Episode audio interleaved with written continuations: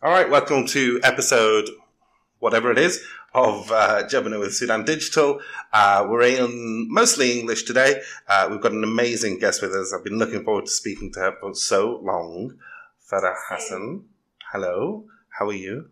I'm great, Aziz. I'm, I'm very Sudanese. Good. How are you? I am. listen, I have a standard response in Sudanese for how are you. Would you like to hear it? Mm-hmm. Mia Mia. Now, mostly people think that's not true. Mostly people that have a cousin of mine who says, "Look, no one's ever hundred percent. So where are you really?" I'm like, "Dude, I'm I'm Mia Mia, man. Everything's fine. Like, it is what it is. Just get on with it." Because if I'm if I'm gonna start not really gonna help. exactly. Let's just be me and me. Right? Like you can complain all day. Doesn't stop the car from like cutting. Doesn't reduce the price of fuel. Complain as much as you like. And honestly, com- com- com- keep your complaints for someone who is going to be able to help you out with that. Exactly. I, I just need the me and me. Yeah, exactly. So I'm all about the Mia Mia. So, um, uh, if you're new to the podcast, please make sure that you subscribe, hit the subscribe button, uh, uh, download it. If you're on Apple or if you're on Google Podcasts, Spotify, and Rami SoundCloud. Am I missing one? YouTube. uh, YouTube, Facebook, Amazon Music. Yes, uh, any of those platforms, please make sure to subscribe. We try and post every week, uh, but we'll be posting twice a week during Ramadan. So, Farah, why don't you tell us a little bit about yourself, and I'll be a bit more specific than that. Why don't you tell us uh, what you studied, where you work, what you do, and um, something that nobody really knows about you? Okay. Um, let's start with where I studied. I am a civil engineering major. I graduated University of Khartoum,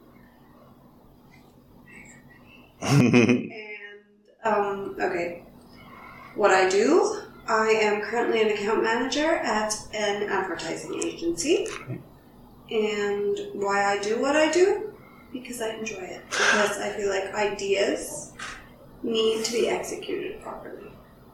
Cool. And what does it entail, for those who don't know, um, what does it entail to be an account manager? Basically, what it entails is that everything that a brand wants to communicate, they need someone to actualize. So you are responsible at a creative agency for the process of taking their idea from concept concept development to execution in the sense that it's out there physically on the street. And what if, and I'm sure you've come across this a lot, uh, what if a client rocks up to you and says that they want something, they have this idea, but the idea sucks? You discuss it. Mm-hmm. because the point the whole point of your existence is that you're an advisor you need to sit there and you talk to them about it until they reach either that no they are correct and their idea does actually mean something and they have the data to back it up or that you're right and we need to revisit this we need to go back to the drawing board together Yes. Then see what we actually mean by it or how we actually want to frame it. Yeah, I like that response because, you know, the most important thing, like you just said, is they could be right if they've got the data to prove it. Exactly. And herein lies a big challenge that we have, I think, in Sudan, is that people misconstrue opinions for valid data points. That's, I think, coming directly from the fact that there is such a scarcity of data. Fact is, we are not a country where you have data banks for everything. You have to get out there and do your research. Mm. Whether quantitative or qualitative, you have to do the work. Mm. And there are a lot of brands where that's just not being done. Yeah. Um, with your clients, I guess you encourage them to, you know, take the time to, to, to fully research what their objectives are. But what about if you have a client who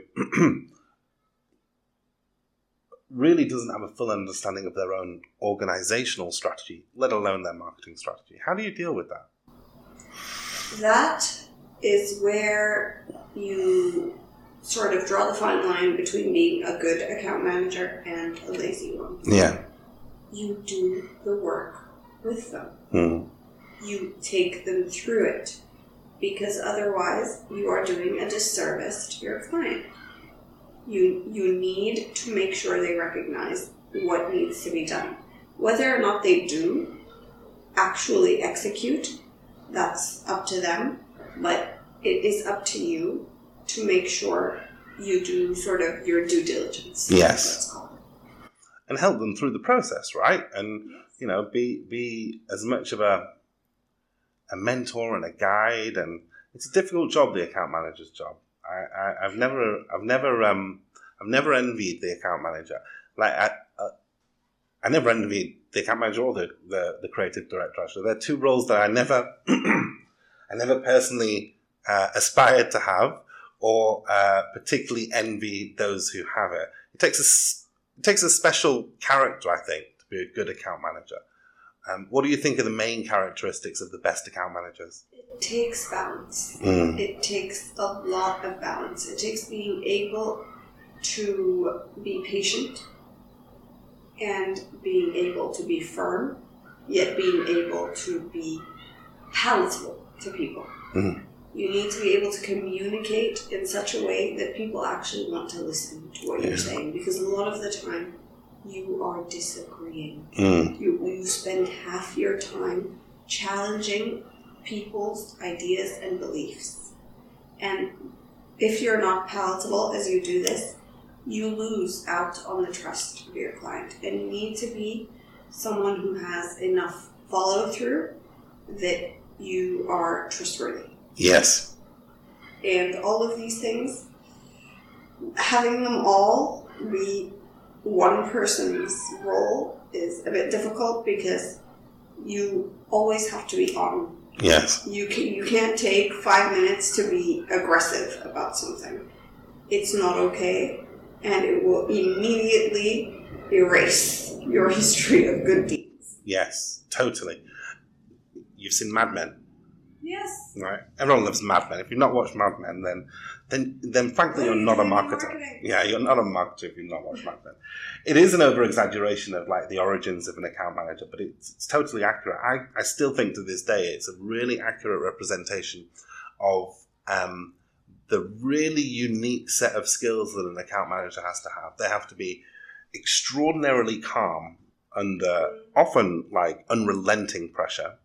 They have to be able to they have to be strategists, but also tacticians, which is in itself a really difficult thing to do. It is, right? To be both a strategist and a tactician. They have to somehow make their clients feel that they're always right when most often they're wrong. And on top of all of that, they have to You guys, you guys are always right. um, but on top of all of that, they need to placate both the client and the creative team. And it's a really difficult position to be in. It takes a very unique character, I think, to make a truly exceptional account manager takes a unique character. So, um, I, like I said, I don't envy you, but I know that you have those characteristics, which is great. What do you think of the challenges of being an account manager in Sudan versus other countries? I believe the biggest challenge of the account manager in Sudan is the same thing that we were just talking about. It's lack of data. Yeah, Because everything everyone is saying is an opinion. correct. So you have to be that politician in the middle who's like, you're right, but you're also right, but you're also right, but you know, let's let's find let's find ourselves middle ground where our consumer is the one who's right. Nice. Because actually, in the end, that's all that really matters, right? Brilliant. Um, before before we started recording, we were talking about various different campaigns. We're not going to mention any campaigns by name, but one of the things that I'm always um, always interested in is cultural variances in content. So, what do you think? Like, let's say there's two schools of thought in Sudan.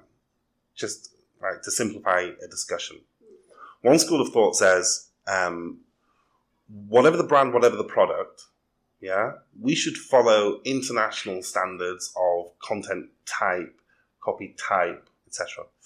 Um, and another one says, whatever the product, whatever the brand, we should, as long as it's a Sudanese brand, no, even if it's not a Sudanese brand, we should. Su- it's a Sudanese audience. Yes. Well, assuming it's always a Sudanese audience, we should Sudanify that as much as possible. Where do you sit?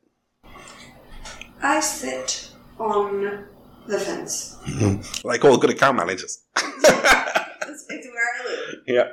But I sit on the fence because I don't see why those two are mutually exclusive. Mm. I don't see why we think Sudan is uh, somewhat, somehow separate from the world. It's not. It's a market, same as any other market. Mm.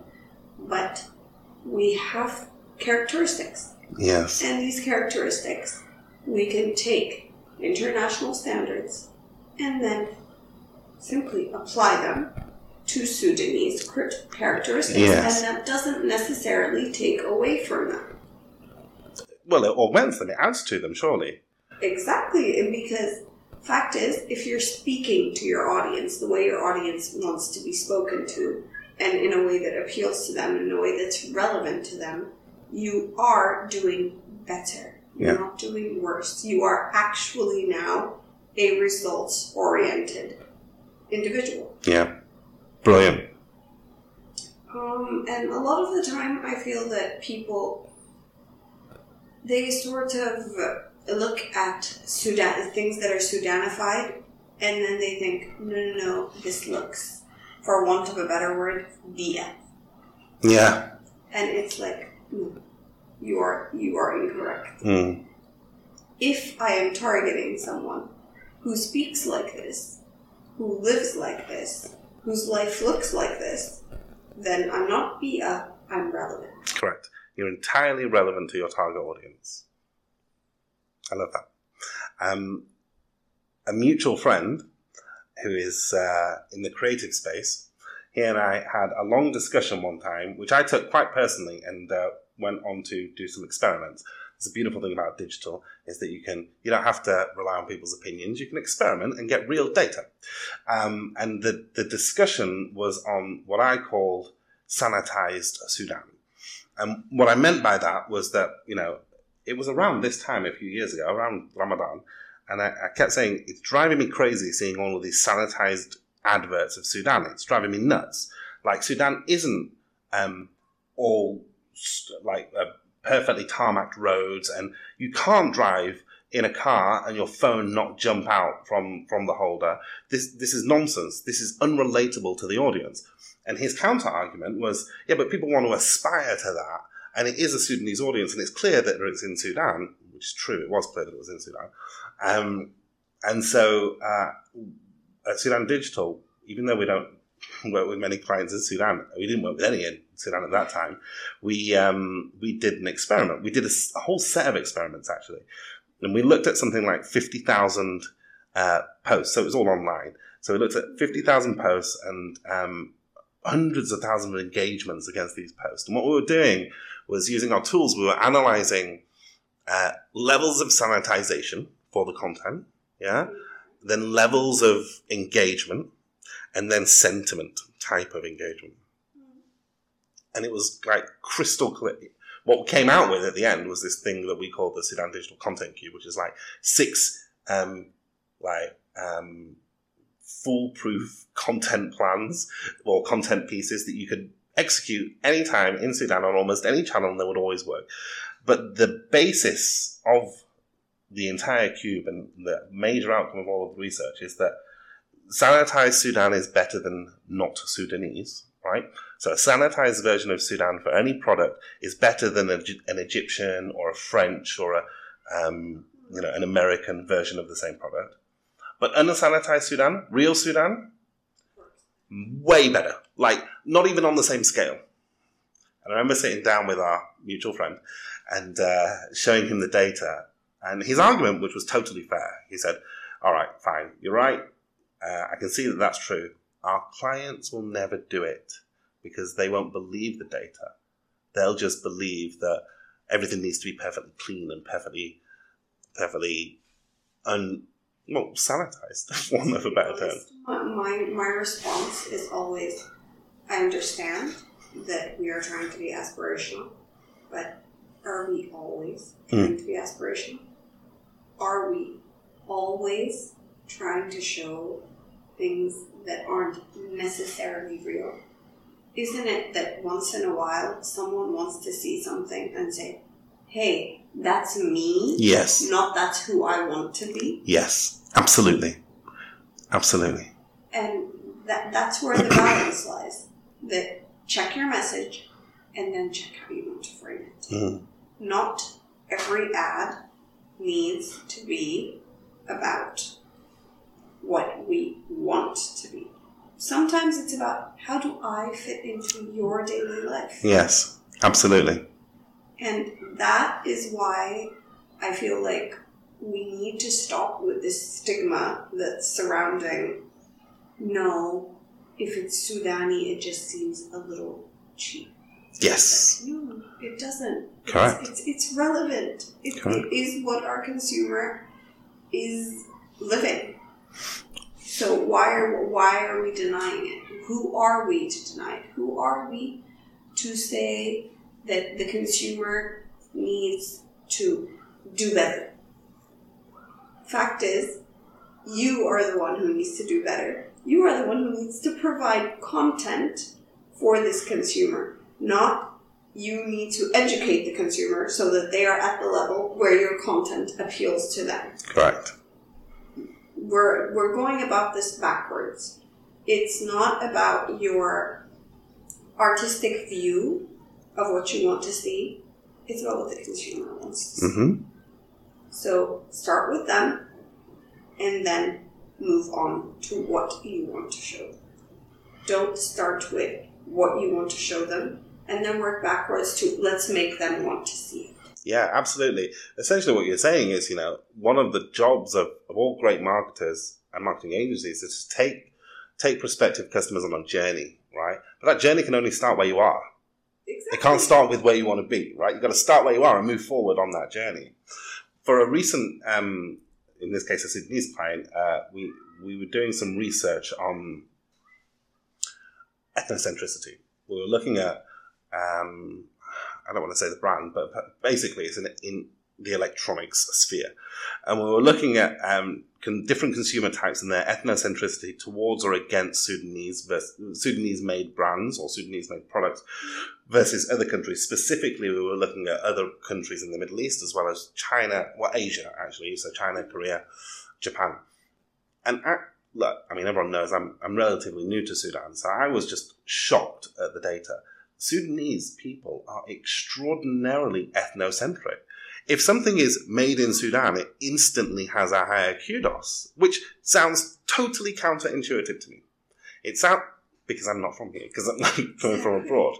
But the data was absolutely overwhelming, and in fact, in certain cases where it is proven that a product from a specific country that isn't Sudan has a higher shelf, a longer shelf life than the product from Sudan, that doesn't even matter. it مش معمولة في السودان لا خلاص أنا ده حقي خلاص أنا عايز ده بس. Think of it like this. Uh, the only way I think you can frame this that anyone can understand is when people say shop local. Yeah. Support your local brands. Like when you see, for example, people, um, let's take the US for example. um, if you open up a Walmart next to a small town, people are not happy Mm, because they're local mom and pop. Those are people they grew up with. For Those sure. Are, this is what they know, Mm. and they don't. They don't want to pay to give their money to a corporation. Why? Why should they be giving their their money to a corporation where they can receive the same service, even if slightly less convenient, and even even maybe slightly higher price, but they're supporting their community mm, they're supporting sort of something that they feel ownership towards. yeah, and I guess um, I guess what you're saying is that that sense of community is what is driving Sudanese ethnocentricity. A lot of the time. Though, but to be fair, I don't have the data to prove it. Yeah. I haven't seen your study. No. That's that's my opinion. It feels like a fair hypothesis, right? Because when you think about the the campaigns, the social campaigns that have gone viral in Sudan recently, so there was one which was pound, one pound for everything. There's another one if you if you transfer uh, money into Sudan, yeah. So that seems like a reasonable hypothesis as to why we see such levels of eth- ethnocentricity in Sudan. I think, though, that that plays back into what we were just talking about in terms of content. People, look, regardless of what's happening on the street, yeah, people, mm-hmm. people in Sudan are proud to be Sudanese, and they're proud of their products and they're proud of their companies. And so, yeah, I don't, I don't see this value of like shying away from that. I would, I would go full front into that. Haven't you noticed that here in Sudan we have we have a culture of oh my god, I can say whatever I want about my country, but you don't get to say anything. That's absolutely true. I will sit here and I will literally trash the entire system, the entire country, our culture, everything. But if somebody else wants to have an opinion, it's like, who are you? And why are you here? And why do you feel you are entitled to be part of this discussion? Please take several seats. And that's the way we are. Absolutely. I'll tell you a story. It happened just last week. I was having coffee, two Sudanese friends, and an Egyptian who is a friend, sort of like an acquaintance. And uh, one of my Sudanese friends who is, um, uh, we were literally at Sitta Shai and he was talking about politics. And he was talking about how فلان and فلان عم كده. He was talking about how الكهرباء وده البلد ده ما حتتصلح وكده وكده وكده. My Egyptian friend, all he said was صدقت. Literally, the only word that came out of his mouth. This guy turned to him and said, Your country's no better. What are you talking about? I was like, dude. And the thing is, like, he, he did not help himself. You can't do that with Yeah. Egyptian. Definitely in not. particular. Because that, that's a whole rivalry right there that you just don't want to touch with a 10 foot pole, Mm. especially not at Shag. Yes. Yeah. Was good tea, though. They spelled the T in more than one way. Yes, they did. Quite right. Um, so, one of the things that I love about uh, the agency that you work at is that they really try and push the boundaries in terms of pushing staff development. And you were telling me about like one example. I love this, by the way, and we're going to do this uh, here in the future because it's a really It's- smart idea. It's a really, really, really enjoyable exercise, and it helps. It helps everyone. Why don't you teach teach the audience what it is, how do you do it, and what do you benefit from it? Well, it wasn't my idea, but um, shout out to our wonderful instructor. What we do is we take on a part of, of um, our process and we decide to do sort of a simulation of it Mm-hmm. to see how we are doing it right and how we aren't and how we should be doing it. So we were discussing uh, today creative briefs and how to deconstruct a campaign back into the brief that created it. And how to evaluate a campaign in such a way that we do it professionally rather than you having just opinions on things that are in your professional sphere. You should be able to evaluate it completely objectively. Mm, you should know what the criteria of evaluation are for your industry. Because only then can you improve once you know what you're doing wrong. Mm, and the only and no one's going to let you do that while you're working. So why not take the time out to do it as an exercise? Do Mm. it as an exercise and take it seriously. Mm, go through an entire project and do it and then evaluate each other evaluate the way you all did it and that way you all know where your weaknesses are and how we can improve them brilliant. So, just so that I understand it, so you're gonna, uh, if we were doing this exercise here, we would take any other campaign, right, that nobody has any sort of intimate awareness of, not a client campaign, like a non, a non-agency campaign. Or even, by the way, you could take on a campaign that you guys did yourself. Yes. And find your mistakes. Yes. I guess that would be like level two, right? You want to basically take a campaign and deconstruct it back to its original purpose, back to its original brief, back to the original objectives, back to the original vision, mission, the whole thing. You want to deconstruct the whole thing. And then, do you then go through the process of like rebuilding it or If- reimagining it? Yeah. If we were doing it today, Mm. how would we do it better? Yeah. Why do? Why would we change what we did? Why did we do this? Yes. What were the restrictions that we faced? When we faced these restrictions, what could we have done better? Mm. And that's that's the way we sort of go about trying to improve. Yeah. Brilliant. Love it. I love that. That's a great exercise. But definitely take that. Thank your thank your uh, coach for um, for that. Um, when you think about uh, the, you know, we've spoken about some of the challenges of being an account manager, but it can be like an incredibly fulfilling role as well, right?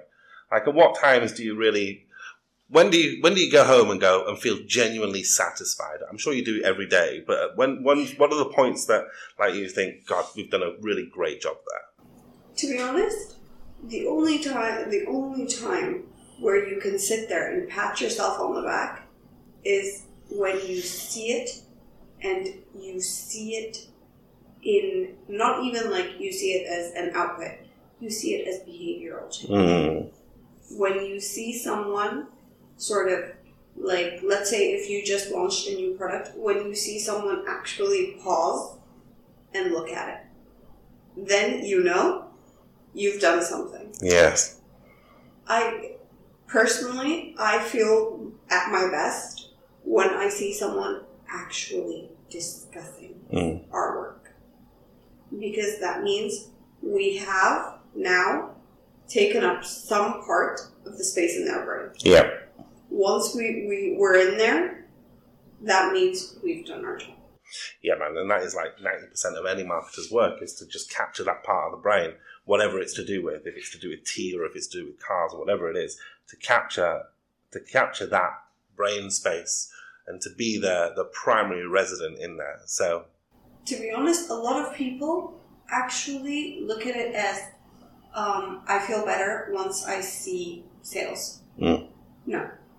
I'm sure, I feel great seeing sales. I like money just as much as the next person. But I am a firm believer in the fact that sales don't necessarily have to be immediate. Of course. Let's look at things in terms of brand equity. Mm.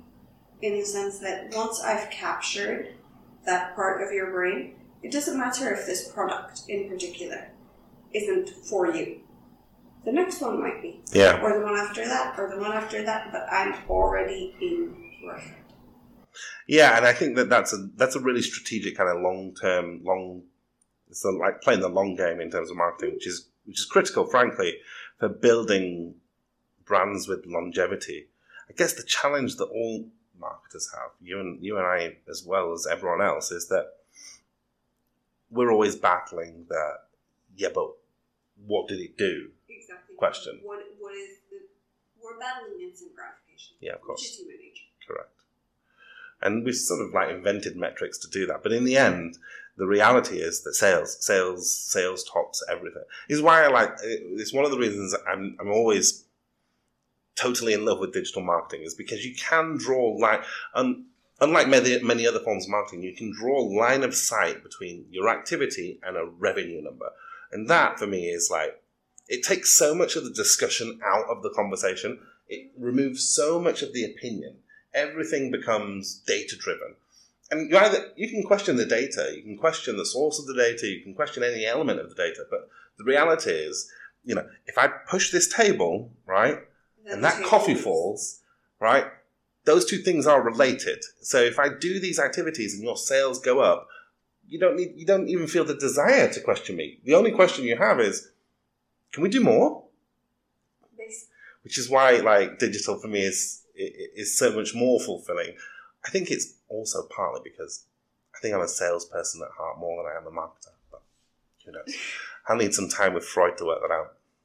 To be honest, though, um, the fact that you can link something directly, it makes your it makes work easier, but in that same sort of line, if you are doing your research correctly, if you are using the correct tools, you can do that with almost any form of marketing. It's just not as easy. Yeah, it's you're right. It's nowhere near as it, it's it's no, it's fundamentally really really difficult, but it can be done.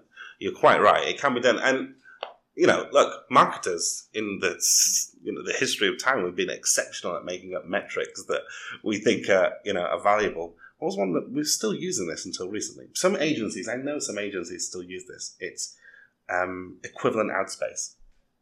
Equivalent ad space is in the PR industry, which is a beautiful, sort of beautiful metric that means nothing. it literally means nothing. Did, did you not see my face fall? Like, Of course, but you know, I think that that you know, in the in the traditional marketing world, that's where we are very creative with our own metrics. But again, I can't. You know, when I come back to digital, and and you know this in your agency too. Whenever you do digital campaigns, it's so beautiful because you can see real numbers, and they're like, there's no argument. That just is that number. I can't argue with that number.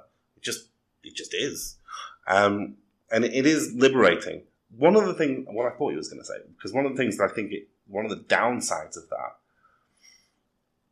is that it creates like an inhibitive loop in terms of creativity. And what I mean is that let's say that if I push this table and money falls out the other end, right? My instinct is to do what? just push it again. To keep pushing the table, right? Which just sort of stops us as at let's push the table. Exactly. Why don't we stop pushing the table forwards? Let's try pushing it sideways. Let's see what happens. Exactly, exactly. And it creates like an inhibition. It's like, wait, wait, this is working. Let's not change it too much. But it's like, hold on, what if lifting the table triples our input or triples our output? And I think that's the danger a lot of digital agencies. I'm talking about outside the Sudan. But that's the danger a lot of digital agencies fall into is they fall into this trap of like, okay, this works. Let's just keep hammering it, keep doing it, keep doing it, keep doing it. But there is something to be said for that. Mm. There is something to be said for consistency. Um, for example, um, if you look at content calendars, Mm. some companies have been using the exact same content calendar for years and years and years on end. And it's okay for you to be using the same activity. It's just how you use it. Mm. It's the content that you create around it. That's that's how you make sure you you keep it creative. Yes. But fact is, sometimes consistency is part is is the important thing. Definitely. Like some brands are actually built up around consistency. Consistency. Like for example, let's take banks. I want a bank that's consistent. I want a bank that I can expect. It's not necessarily that I will consciously realize that I'm getting exactly what I expect every time, but But subconsciously, it gives you consistency. it gives you what? a feeling of security. That's that's the point. You're exactly right. I completely agree. Right when you have brands that, um, like John Lewis is my favorite example of this. Like constant, unrelenting consistency builds constant, unrelent, rel- unrelenting trust. Yeah, it, it builds up loyalty to a brand because that brand has now become sort of one of your pillars. Absolutely, absolutely. Oh, Farah, it's been so amazing talking to you. I kind of feel like we could go on for the next six hours. Actually, sleep. We need sleep. If we're going to be able to talk to people and make sense. exactly. I really appreciate you taking the time uh, to come in, and I hope you'll come in again and being a guest again because I think that we could go in lots of different directions here.